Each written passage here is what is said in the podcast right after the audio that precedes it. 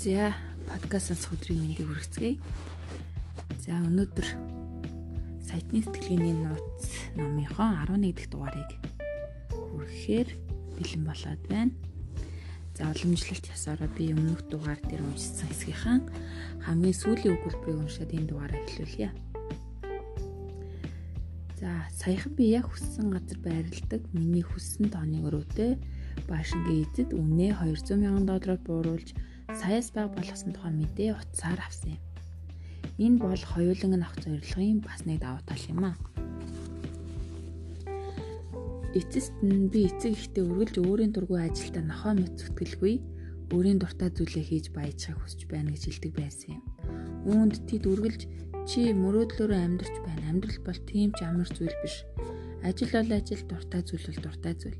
Чи эхлээд амьдрах мөнгөө хийчгээ дараа нь цаг үлдвэл амьдралын сайхныг хүртэх ёстой гэж хариулдаг байлаа. Би дотроо тэднийг сонсох юм бол тэдэнтэй ижил болж төгснө. Үгүй ээ би хоёуланг зэрэг авах хүсэж байна гэж өөртөө хэлдэг байснаа сандаг юм. Заримдаа би хоол ба байрны төрөсөө төлөхийн тулд өөрийн дургүй ажлыг 1 2 7 хоног хийдэг байсан. Гэвч би хизээж хоёуланг авах өөрийн санаархлыг орхиогүй. Би хизээж өөрийн дургүй ажил юм уу бизнестэй удаан хугацаагаар зурлаж байгаагүй. Эцэст нь би өөрийн дуртай зүйлээ хийж баян болсон. Ингиж болно гэдгийг мэддэг болсон болохоор би одоо зөвхөн өөрийн дуртай ажил ба төслийг л хэрэгжүүлдэг болсон. Хамгийн гол нь би хэрхэн надтай ижил ажиллахыг бусад хүмүүст хэлэх боломжтой болсон юм. Ялангуяа мөнгөний асуудал төр хоёуланг нь гэсэн сэтгүүр хамгийн чухал байдаг ядуу ба дунд давхрын хүмүүс мөнгө ба амьдралын бусад зүйлүүдний дундаас нэгийг нь сонгох ёстой гэж итгэдэг. Ингэснээр тэд мөнгө бол бусад зүйлүүд чиг чухал биш гэсэн байр суурь баримталж эхэлдэг. Тэгвэл үннийг хэлье. Мөнгө бол чухал.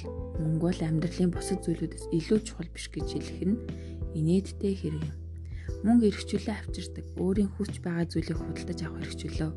Цаг заваа өөрийн дуртай зүйлээр зориулах эргчүүлөө мөнгөнд танд амьдралын илүү тансаг чамин зүйлүүдийг хүртгэхээс гадна зовлон ачаалд орсон нэгэн туслах боломжийг олгодог. Хамгийн гол нь мөнгөтэй байснараа та мөнгөгүйгээс болж шаналхад эрс хүчээ зарцуулахгүй байх боломжтой болтгоо. Ас жаргалч гэсэн чухал дахин хэлээд өвөн дээр л ядуу болон дунд авахын хүмүүс хольж утгаад байдаг юм. Олон хүмүүс мөнгө ба аз жаргал хоёрыг хооронд нь харьц зүйлүүд бөгөөд эсвэл баян байж болно, эсвэл ад жаргалтай байж болно гэж ойлгодог.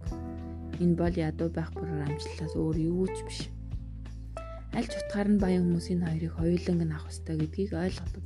Танд гар хөл хоёулаа байх ёстой шүү мөнгө ба ад жаргал хоёр хоёулаа л байх ёстой юм шүү. Та бэлгүүтэй байж бас идчиж болно. Баян хүмүүс дунд давхрынхан ядуу хүмүүсийн хоорондох бас нэг томоохон ялгааг энд харуулъя баян хүмүүс билуутай байж бас идэж болно гэж итгэдэг. Дунд давхрын хүмүүс билуу дэндүү ихтэн. Тийм учраас түүнээс бага зэргийг авч болно гэж итгэдэг. Ядуу хүмүүс билуу авах хэрэгтэй гэдэгтээ итгэдэггүй учраас гамбир цахиалдаг бөгөөд өөрсдөд нь яагаад юу ч байхгүй байгааг гайхдаг. Би танаас идэж чадахгүй бол билуугаар яах юм бэ? Та түүнийг яг яах ёстой юм бэ? Ширээн дээрээ тавиад харах уу гэж асуумаар байна. Бэлог идэх гэж шийдэг юм. Аль нэг нь аль нэг нь гэсэн сэтгэхүйн мөн би илүү ихийг авах юм бол хин нэгнийх нь авах хэмжээ багасна гэж итгэдэг. Хүмүүсийн төөрөгдөл байдаг. Аль нэг нь гэсэн сэтгэхүйн мөн би илүү ихийг авах юм бол хин нэгнийх нь авах хэмжээ багасна гэж итгэдэг. Хүмүүсийн төөрөгдөл байдаг. Дахин хэлэхэд энэ бол айдас дээр үндэслэсэн бууж өгөх програмчлалаас өөр юу ч биш юм. Дэлхийн баян хүмүүс хамаг мөнгөг авчгаад хоримтлуулад байгаа учраас бусад хүмүүст үлдсэнгүй гэдэг ойлголт нь ямар ч утгагүй зүйл юм. Нэгдүгээрт энэ ихтгэл үнэмшлээс үзэхэд мөнгөний нийлүүлэлт хязгаарлагдмал байдаг гэж ойлгохдохоор байна. Би эдийн засагч биш боловч мөнгийг өдөр бүр нэмж хэвлдэг гэж ойлгож байгаа. Олон 10 жилийн турш мөнгөний нийлүүлэлтийн хэмжээ бит хөрөнгнөөс хамааралгүй байсаар ирсэн. Ийм учраас өнөөдөр баячууд бүх мөнгийг авсан ч гэсэн маргааш олон тэрбум биш маа гэхэд олон сая доллар гараад л ирнэ. Ийм хязгаарлагдсан сэтгүүтэй хүмүүс нэг мөнгийг дахин дахин хэрэглэж хүн бүрт үнэт зүйл бий болгож болно гэдгийг бас л ойлгодоггүй. Би өөрийн семинарт ашигладаг нэгэн жишээгээ энд хэлье. Би таван хүнийг тайзан дээр ямар нэг зүйл авч гарч ирэхийг урьдаг. Тэгээд тэднийг дугуйран дугуйран зогсоогоод эхний 5 хүнд 5 долларын дэвсгэр төгч тэр мөнгөөр хоёр дахь хүнээс ямар нэг зүйл худалдаж авах гэж хэлдэг. Тэр үзэг худалдаж авлаа гэж бодъё л доо. Ингээд нэг дэх хүн үзэгтэй болж хоёр дахь хүн 5 доллартай болно. Одоо хоёр дахь хүн 5 доллараараа 3 дахь хүнээс самбар худалдаж авлаа гэж бодъё. Үүний дараа 3 дахь хүн 5 доллараараа 4 дахь хүнээс тэмдэглэлийн дэвтэр худалдаж авна. Та миний төсөөлж хэлэх гээд байгаа зүйлийг ойлгосон гэж бодож байна. Нэг л 5 долларын дэвсгэрт очисон хүн бүртээ үнэт зүйл бий болгоод байна. Нэг л ижил мөнгө 5 5 өөр хүний гараар дамжиж тус бүртэн 5 долларын үнэтэй эд зүйл авчирсан бөгөөд нийт 25 долларын үнэт зүйлийг бий болгожээ. Тавтын дэвсгэрт илэгдэж харуудлгүй тойрон дамжихтаа үнэт зүйлийг бий болгож байна. Үүнээс ойлгох зүйл тодорхой юм. Нэгдүгээр мөнгө хорогдож барагддаггүй бөгөөд нэгийг л нэг л мөнгийг олон жилийн турш олон мянган хүн ашиглаж болдог. Хоёрдугаарт та их мөнгөтэй байх тусам түүнийг ийм эргэлтэнд оруулснаар бусад хүмүүс илүү их мөнгөтэй болж улам их үнцэнтэй зүйлсээ бий болгодог. Энэ бол аль нэг нь гэдэг сэтгвийн сэтгвийн яг эсрэг зүйл юм. Та мөнгөтэй байгаад түүнийгээ зарцуулахад та өөрөө болон мөнгөийг авсан хүн хоёулаа үнэт зүйлтэй болдог. Энгийнээр хэлэхэд та бусад хүмүүсийн талаар тийм их санаа зовоод тэдний ховийг өгөх хүсэж байгаа юм бол аль болохоор их мөнгө эргэлдүүлэхийн тулд баян болохын төлөө бүхнийг хийх хэрэгтэй. Би ямар нэг үлгэр дуурайл дуурайл болж чадхал юм бол та сайхан сэтгэлтэй бусдыг хайрладаг өгөөмөр оюунлаг бөгөөд маш баян хүн болж чадна. Мөнгө бол ямар нэг талаараа муу зүйл бөгөөд та баян болох юм бол сайн муу юм уу? Сайн юм уу? Цэвэр хүн байх боломж багасна гэдэг худлаа ойлголтыг хаяхыг би танд хичээнгүйлэн хүсэж байна.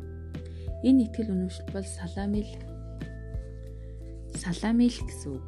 Бөгөөд түүнийг эзээр байх юм бол та таргалаа зогсохгүй ядуурх болно. Энэ бол хоёулангын гэсэн сэтгэхийн бас нэг жишээ юм аа.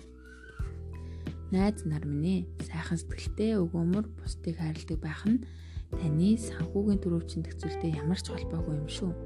Эдгээр шинж чанарууд нь таны зүрхнээс гардаг юм. Цэвэр оюунлаг байна гэдэг нь таны багны данстай ямар ч хамаагүй. Энэ шинж чанарууд таны сэтгэлээс гардаг юм. Мөнгө таныг сайн юм уу болгоомж бодохын аль аль нь зөвхөн сэтгэхүй бөгөөд таны ад жаргал болон амжилтанд гай болох програмчлагдсан хог юм. Энэ нь таны эргэн тойронд байгаа хүмүүст тэр дундаа хүүхдүүдэд чинь ч гэсэн тус болдоггүй. Та сайн хүн байхыг тэгж хүсэж байгаа юм бол өөрийн санаанд үгээр олж авсан хэрэггүй итгэл үнэмшлээ дараа үеихэндээ халдаахгүй байх хэрэгтэй. Та ямар ч нөхцөлд, ямар ч байдалд, ямар ч хязгаарлагдмал амьдралаар амьдрахыг хүсч байвал айл нэг гэдэг сэтгвээс салж хоёуланг гэсэн сэтгвэтэй болох нь байна. Тунхаглал гараа зүрхэн дээр тавиад би үргэлж хоёуланг нь гэж боддог гэж хэл. Би үргэлж хоёуланг нь гэж боддог. Толгойдоо гараа үргээд би сайтны сэтгвэтэй, би сайтны сэтгвэтэй. Сайтны сэтгвэ хөгжүүлэх тасгал ажил буюу арга ажиллагаа. Хоёуланг нь авах арга замыг бодож олох турш зуршилтай болно. Хувилбар бүхий сонголтуудтай тулгарх бүртээ өөрөөсөө би яаж хоёуланг нь авах вэ гэж асуув Хоёрдугаарт нь эргэлтэнд байгаа мөнгө хүн бүрийн амьдралд нэмэр болдог гэдгийг ойлго.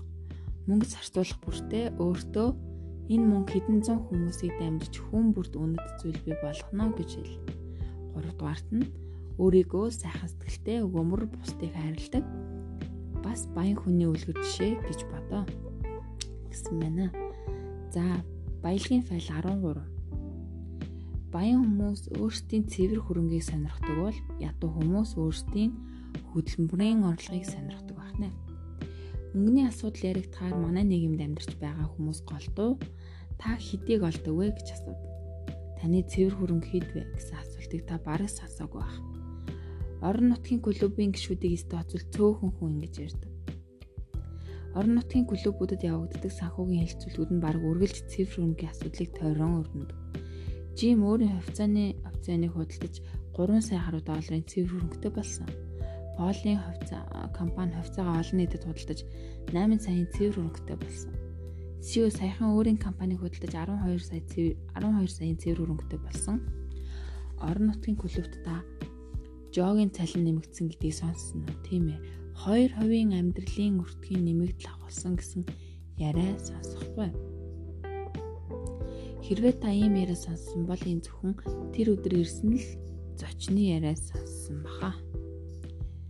Баялагын зарчим, баялагын жинхэнэ хэмжүүр нь хөдөлмөрийн орлого биш харин цэвэр хөрөнгө байдаг юм шүү гэсэн. Баялагын жинхэнэ хэмжүүр нь хөдөлмөрийн орлого биш харин цэвэр хөрөнгө байдаг. Хизээд ийм байсаар ирсэн бөгөөд цаашид ч юм байх болно. Цэвэр хөрөнгө гэдэг нь таны эзэмшиж байгаа бүх зүйлийн санхүүгийн үн цэн юм. Та өөрийн цэвэр өмчийг тодорхойлохын тулд өөрт байгаа бүх зүйл тэр дундаа хувьцаа, бонд, үйл хөдлөх хөрөнгө бизнес эрхэлдэг бол түүний тухайн үеийн үн харштай бол түүний үн гээд бүгдийг нь нэмээд гарсан нийлбэрээс л бүх өрөө хасах ёстой юм а. Шаардлагатай бол та өөрийн эзэмшиж байгаа зүйлийг бэлэн мөнгө болгож болох Учираас цэвэр хөрөнгө гэдэг нь бай баялагын эцсийн хэмжүүр байдаг. Баян хүмүүс хөдөлмөрийн орлого ба цэвэр хөрөнгийн хоорондох асар том ялгааг ойлгодог. Хөдөлмөрийн орлого чухал боловч энэ бол таны цэвэр хөрөнгийг тодорхойлдог дөрвөн хүчин зүйлийн зөвхөн нэг нь л юм. Цэвэр хөрөнгийг тодорхойлагч дөрвөн хүчин зүйл нь орлого, хадгаламж, хөрөнгө оруулалт, хэмнэлт байдаг. Баян хүмүүс их хэмжээний цэвэр хөрөнгөтэй болохын тулд дөрвөн хүчин зүйлийг бодолцох хэрэгтэй гэдгийг ойлгодог. Эдгээр хүчин зүйлүүд бүгд чухал учраас нэг нэгээр нь хэлэлцъя. За орлого. Орлого хоёр хэлбэрээр ордог. Хөдөлмөрийн орлого ба сул орлого. Хөдөлмөрийн хөдөлмөрийн орлого гэдэг идэвхтэй хөдөлмөрийн үр дүнд олсон орлого. Үүнд өдөр тутмын ажлын хөлс эсвэл бизнес эрхлэгчийн хувьд бизнесээс олсон орлого Хөдөлмөрийн орлогыг олохын тулд та өөрийн цаг хугацаа ба хөдөлмөрөө зарцуулах ёстой. Хөдөлмөрийн орлогоогээс цэвэр хөрөнгөний талаар болон үлдсэн гурван хүчин зүйлийн талаар ярих бараг боломжтой учраас энэ ойлголт хамгийн чухал юм аа. Хөдөлмөрийн орлого нь бидний өөрсдийн санхүүгийн сувгийг дүүргэх арга хэрэгсэл юм. Бусад бүх зүйл өөрчлөгдөөгийн нөхцөлд хөдөлмөр хөдөлмөрийн орлого их байх тусам таны хадгаламж ба хөрөнгө оруулалт нэмэгдэнэ. Хөдөлмөрийн орлого чухал боловч энэ нь цэвэр хөрөнгийн нэг бүрэлдэхүүн хэсэг учраас л чухал байгаа юм а гэдгийг дахин хэлье. Харамсалтай нь ядуу ба дунд давхрын хүмүүс дээрх дөрвөн хүчин зүйлс зөвхөн хөдөлмөрийн орлогод л анхаарал хандуулдаг. Бид удахгүй сул орлогын талаар илүү дэлгэрэнгүй ярилцах бөгөөд одоохондоо түүнийг санхүүгийн түүнийг санхүүгийн сувгийг дүүргэж байдаг зарцуулах, хадгалах, хөрөнгө оруулалт хийхэд ашиглаж болох орлого гэж үзье. Хадгаламж ч гэсэн маш чухал. Та мөнгийг бодол бодлоор нь олж болно. Гэвч та түүнийг хадгалж чадахгүй бол хизээч баялаг баялагийг бий болгож чадахгүй. Олон хүмүүсийн санхүүгийн төсөөл нь үрж зарцуулахад зориулагдсан байдаг бол тэдэнд хичнээн ч мөнгө байсан үрж өрхдөг. Тэд удаан хугацааны доктортой байдлаас тухайн үеийн таашаалыг илүүд үздэг. Үрэгчд 3 ураатай байдаг. Эхний ураа нь энэ бол зөвхөн зөвхөн л мөнгө гэсэн ураа. Ингэж боддог учраас тэд их мөнгөтэй байж чаддаггүй. Тэдний хоёр дахь ураа нь орж ил байдаг, гарч ил байдаг гэсэн ураа. Тэд ядаж ингэж найддаг. Гэвч өмнөх ураануудын улмаас тэдний гурав дахь ураа уучлаарай би одоо чадахгүй нь би ядуу болсон болж хувирдаг байна. Сувгийг дүүргэх орлого нь тогтоон барих хадгаламжгүйгээр цэвэр хөрөнгийн дараагийн хүчин зүйлийн талаар ярих боломжгүй. Та өөрийн орлогын нэлээд хэсгийг хадгалж эхэлсэн бол дараагийн шатанд шилжиж мөнгөө хөрөнгө оруулалтаар өсгөж болно. Ерөнхийдөө бол та хөрөнгө оруулалтыг сайн хийх тусам таны мөнгө төдийчнээ түрүүн өсч илүү их цэвэр хөрөнгийг бий болгодог. Баян хүмүүс хөрөнгө оруулалтын талаар мэдлэгтэй болохын тулд цаг хугацаа баярч хүчээ зарцуулдаг. Тэд өөрсдийгөө сайн хөрөнгө оруулагчиж бахарах юм уу? Дор хаяж өөрсдийн өмнөөс хөрөнгө оруулалт хийх сайн хөрөнгө оруулагчдыг хөлсөлдөв ядуу хүмүүс хөрөнгө оруулалтыг зөвхөн баячуудын хийдэг зүйл гэж боддог учраас түүний талаар хизээж судалдаггүй бөгөөд тийм ч учраас ядуу хэвээр үлддэг. Дахин хэлэхэд цэвэр хөрөнгийн тэгштгэлийн айлч хэсэг чухал шүү. цэвэр хөрөнгийн дөрөв дэх хүчин зүйлэнд баялагийг бий болгоход ямар ач холбогдолтой болохыг цөөнхөн л ойлгодог учраас битүү битүү морь байгаа бах. Энэ бол химнэлт юм. Энэ мөнгө хадгалахтаа ижил ач холбогдолтой бөгөөд илүү бага хэмжээний мөнгө зарцуулагдах амьдралын хөвшлийг ухамсартайгаар бий болгох ажиллагаа юм. Та амьдралын хүртгийг бууруулснараа өөрийн хадгаламж болон хөрөнгө оруулалтыг боломжтой хөрөнгийн хэмжээ өсгөж чадна. Химнэлтийн ач холбогдлыг харуулахын тулд манай сайтны сэтгүүн сургалтанд оролцогчдын нэгний түүхийг ярья. Сүү 23 настай байхдаа нэгэн ухаалаг сонголт хийж байшин худалдаж авсан байна. Тэр тухайн үеийн үедээ үедээ бараг 300 мянган доллар зарцуулжээ. 7 жилийн дараа зах зээл эд итгэвчиж байх үсээ өөрийн байшин 600 мянган доллараар доллараар зарж 300 мянган долларын ашиг болсон байна. Тэр өөртөө зориулж шинэ байшин худалдаж авах тухай бодож байсан боловч сайтны сэтгүүн сургалтын суусны дараа өөрийн мөнгийг 10-ын 10% хүүтэй найдвартай ипотекийн зээлд оруулж өөрийн амьдралын хэв маягийг арай энгийн болгох юм бол өөрийн хөрөнгө оруулалтаас олсон орлогоороо ажил хийхгүйгээр нэлээд хангалуун амьдрах боломжтой болохыг олж ойлгосон байдаг. Ингээд тэр шинэ байшин худалдаж авах болоод эгчийн хэрвээнүүд утсан байна. Одоо 30 настай Сью санхүүгийн хувьд эрхчлөөтэй болсон тэр өөрийн бие даасан байдлыг асар их хэмжээний мөнгө болох мөнгө олох замаар биш харин биш харин харин хувийн зардлыг ухамсартайгаар бууруулах замаар бий болгож чадсан. Тэр ажилдаа дуртай учраас ажилласаар байгаа боловч хүсэхгүй бол ажиллах шаардлага түнд байхгүй. Үүний эрэхтэй тэр жилд 6 сар л ажилдаг. Үлдсэн хугацаа тэр Фижид өнгөрөөдөг. Учир нь тэр нэгдүгээр тэнд газар дуртай, хоёрдугаарт тэнд түүний мөнгө улам өсдөг гэж ярьдаг. Тэр жуулчдтай биш харин нутгийн оршин суугчдтай хамт амьдардаг учраас их мөнгө зарцуулдаггүй байна.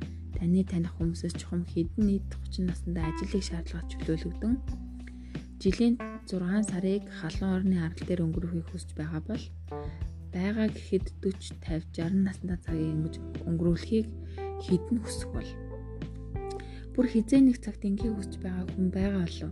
Энэ бүхэн сүү өөрийн амьдралын хэв маягийг энгийн болгож амьдрахын тулд их хэмжээний хөрөнгө зарцуулах шаардлагагүй болсон учраас би болсон юм а. Ингээд та санхүүгийн хувьд аз жаргалтай байхын тулд юу хийх ёстой вэ? Та харшид амьдардаг 3 амралтын байртай 10 машинтай жил бүр дэлхийг тойрон аялдаг төрс иддэг амьдралын сайхныг мэдрэхин тулд хамгийн тансаг шимпансыг дар суудаг болохыг хүсэж байгаа. Хамгийн гол нь та маш өндөр зорилго тавьж байгаа учраас өөрийн аз жаргалтай байх төвшөнд хүрэхэд нэлээд тогтцоо шаардлагатай болдог гэдгийг л ойлгох хэрэгтэй. Нөгөө талаас та аз жаргалтай болоход шаардлагатай дээрхийн ижил тоглоомууд танд бүгд хэрэггүй бол та өөрийн санхүүгийн зорилгод хамаагүй богино хугацаанд хүрч болно. Дахин хэлэхэд та өөрийн цэвэр хөрөнгийг бүрдүүлэхэд дөрвөн зүйл шаардлагатай. Харьцуулж ойлгохвол дөрвөн дугуйтай автобус барьж байна л гэж бодож болно. Хэрвээ ганцхан дугуйн дээр явбал юу болох вэ? Магадгүй удаан дээш доош шидэгдсэн твдэс сандарсан, оч хаялсан, байран дээрээ эргэлдсэн хөдөлгөөн их байсан баг. Энэ нь танд танил сонсогдож байна уу? Баян хүмүүс мөнгөний тоглоомоор бүх дөрвөн дугуйн дээрээ тоглодог. Ийм учраас тэд шулуун замаар төргөн бөгөөжийг тарьцангуй хэлбэр урагшилдаг. Ташрам дэлхийд би үүнийг автобустай харьцуулдаг учраас та нэгэнт амжилтанд хүрсэн нөхцөлд бусад хүмүүсийг ч гэсэн дагуулах зорилготой болдогт оршдог юм оршиж оршиж байгаамаа. Ядуу ба дунд давхрын хүмүүс мөнгөний тоглоомыг зөвхөн ганц дугуйн дээр тоглодог тэдний баян болох цорын ганц зам бол их хэмжээний мөнгө олох явдал гэж итгэдэг. Тэд зарлага нь орлоготой шууд хамааралтаар өсдөг гэсэн Паркинсоны хуулийг ойлгодоггүй. Манай нийгэмд юуг хэвийн зүйл гэж тооцдог бэлээ машинтай ч гэсэн илүү их мөнгө олохороо улам сайн машин авдаг. Баашинтай ч гэсэн илүү их мөнгө олохороо улмал сайн байшин авдаг. Хувцтай ч гэсэн илүү их мөнгө олохороо улам сайхан хувцас Та амралтын өдрүүдтэй боловч илүү их мөнгө олохороо амралтандаа улам их мөнгө зориулдаг. Энэ дүрмэнд мэдээж зарим нэг хүн захирагдахгүй. Гэвч ийм хүмүүс маш маш цөөхөн байдаг. Ер нь зөвхөн орлогоо өсгснөрөө баялагийг бий болгодоггүй юм аа. Энэ ном сайтны сэтгхүй гэсэн нэртэй. Сайтан гэсэн гэдэг нь Орлогыг хэлж байна уу? Эсвэл цэвэр хөрөнгийг хэлж байна уу? Цэвэр орлого. Тийм учраас та сая болон түүнээс их хэмжээний хөрөнгөтэй болохыг хүсэж байвал өөрийн цэвэр хөрөнгийг бий болгоход анхаарлаа төвлөрүүлэх шаардлагатай бөгөөд энэ нь бидний түрүүнд хэлснээр зөвхөн таны орлогоос хамаардаггүй юм аа. Өөрийн цэвэр хөрөнгийг эцсийн зоос хүртэл мэддэг байхыг өөрийн бодлого болох. Таны санхүүгийн амьдралыг өөр дүүржүүлж болохныг дасгалыг танилцуулъя. Хоосон цаас аваад цэвэр хөрөнгө гэсэн гарчиг тавь. Тэгээд тгээс эхэлж өөрийн цэвэр хөрөнгийн зорилттой хэмжээ хүртэл өссөн энгийн график зур. Өөрийн одоогийн цэвэр хөрөнгийн байгаагаар тэмдэглэл Тэгээд ер нь 90 хоног буюу 3 сар тутамд өөрийн шинээр бий болгосон цэвэр хөрөнгийг нэмж орвол ингээд л боллоо. Та үүнийг хийх юм бол олон баяцаар л авах болно. Яагаад? Учир нь та өөрийн цэвэр хөрөнгийг хянаж байгаа учраас. Санах зүйл. Таны анхаарал хандуулсан зүйл өсч тэлдэг өөрийн сургалтын үед миний олонтой давтан хилдэгчлэн анхаарал төвлөрч байгаа газар руу ирч хүч урсаж үр дүн бий болдог байна. Та өөрийн хөрөнгийг хянснараа түүнд анхаарлаа төвлөрүүлэх ба анхаарлаа төвлөрүүлж байгаа учраас таны цэвэр хөрөнгө нэмэгдэх болно. Ташрам дэлхийд энэ хууль таны амьдралын бүхэл хэсэгт үйлчилдэг. Таны ажиллаж байгаа зүйл нэмэгдэнэ. Энэ тал дээр би танд сайн санхүүгийн төлөвлөгч болж хамтран ажиллахыг зөвлөж байна. Эдгээр мэрэгчлэнүүд танд өөрийн цэвэр хөрөнгийг хянаж өсгөхөд тусалж чадна. Тэд танд санхүүгийн асуудлаа зохицуулахад чинь тусалж мөнгөө хадгалж өсгөх нь өсгөх олон арга хэрэгслүүдийг зааж өгнө. Сайн төлөвлөгч болох хамгийн шилдэг арга бол энэ тал дээр авсан үйлчлэгэндээ сэтгэл хангалуун байгаа найз нөхөд болон хамтран ажиллагчдаараа дамжуулан танилцах явдал. Таныг өөрийн төлөвлөгчийн үгийг бурхны үг мэт даах ёстой гэж би хэлж байгаа юм биш шүү. Харин танд өөрийн санхүүгийн асуудлыг төлөвлөж хянахад тусалж чадхад шаарддаг давхар чадвар бүхий мэрэгчлэлтнийг олохыг л санал болгож байна. Сайн төлөвлөгч танд эд баялыг бий болгох хөрөнгө оруулалтын зуршлуудыг хэвшүүлэхэд туслах хэрэгслүүд програм ангамж мэдлэг зөвлөгөө өгнө. Ер нь бол даатгал юм уу хамтын сангийн хязгаарлагдахгүйгээр сангаар хязгаарлагдахгүйгээр санхүүгийн бүхий л төрлийн бүтээгдэхүүнийг ашиглаж чаддаг төлөвлөгчийг олохыг танд зөвлөж байна. Энэ замаар та олон янзын хөлбөр сонголтуудыг олж аль нь тань тохиромжтой болохыг шийдэж чадна. За тунхаглал гараа зүрхэн дээрээ тавиад би өөрийн цэвэр хөрөнгийг бий болгоход анхаарлаа хандуулдаг. Би өөрийн цэвэр хөрөнгийг бий болгоход анхаарлаа хандуулдаг толгойдоо хараа үргээд би саяны сэтгэхүйтэй би саяны сэтгэхүйтэй гэж хэлэх юм байна. За саяны сэтгэхүй хөгжүүлэх ажиллагаа буюу тасгал ажлыг уншиж өгье. Нэгдүгээрт нь цэвэр хөрөнгийг бүрдүүлэгч дөрвөн хүчин зүйл дээр анхаарлаа төвлөрүүл. Өөрийн орлогыг нэмэгдүүл, өөрийн хадгаламжийг нэмэгдүүл, өөрийн хөрөнгө оруулалтын өгөөжийг нэмэгдүүл, өөрийн амьдралын хөвшлийг энгийн болгох замаар амжиргааны зардлаа бууруул цэвэр хөрөнгийн тайлан гарга. Үүний тулд та одоогийн байдлаар өөрийн эзэмшиж байгаа бүх зүйлийг мөнгөөр илэрхийлж үн цэнийг нэмж бусдаас зээлсэн бүх зүйлийн мөнгөн илэрхийллийг хас. Энэ тайлангаа улирал бүр хинэж шинчил төвлөрлийн хуулиар таны хянаж байгаа зүйл өсч нэмэгддэг. Өндөр амжилт гаргаж байгаа бөгөөд алдартай нэр хүндтэй компанид ажилладаг санхүүгийн төлөвлөгчийн хөлсөл дахин хэлэхэд сайн санхүүгийн төлөвлөгч болох хамгийн сайн арга бол өөрийн найз нөхд болон хамтран ажиллагчдаа асуух явдал юм а гэсэн байна. За энэ хүрээд энэ дугаарын подкаста дуусгая. Яг одоо 24 минутын подкастыг хийсэн байна. За тэгээ дараагийн дугаар хүртэл түр баяртай. Дагаар дараагийн дугаар дээрээ баялагын файл 14 гэд эхлэх нь байна. За тэгээ баяртай сайхан амарцгаарай.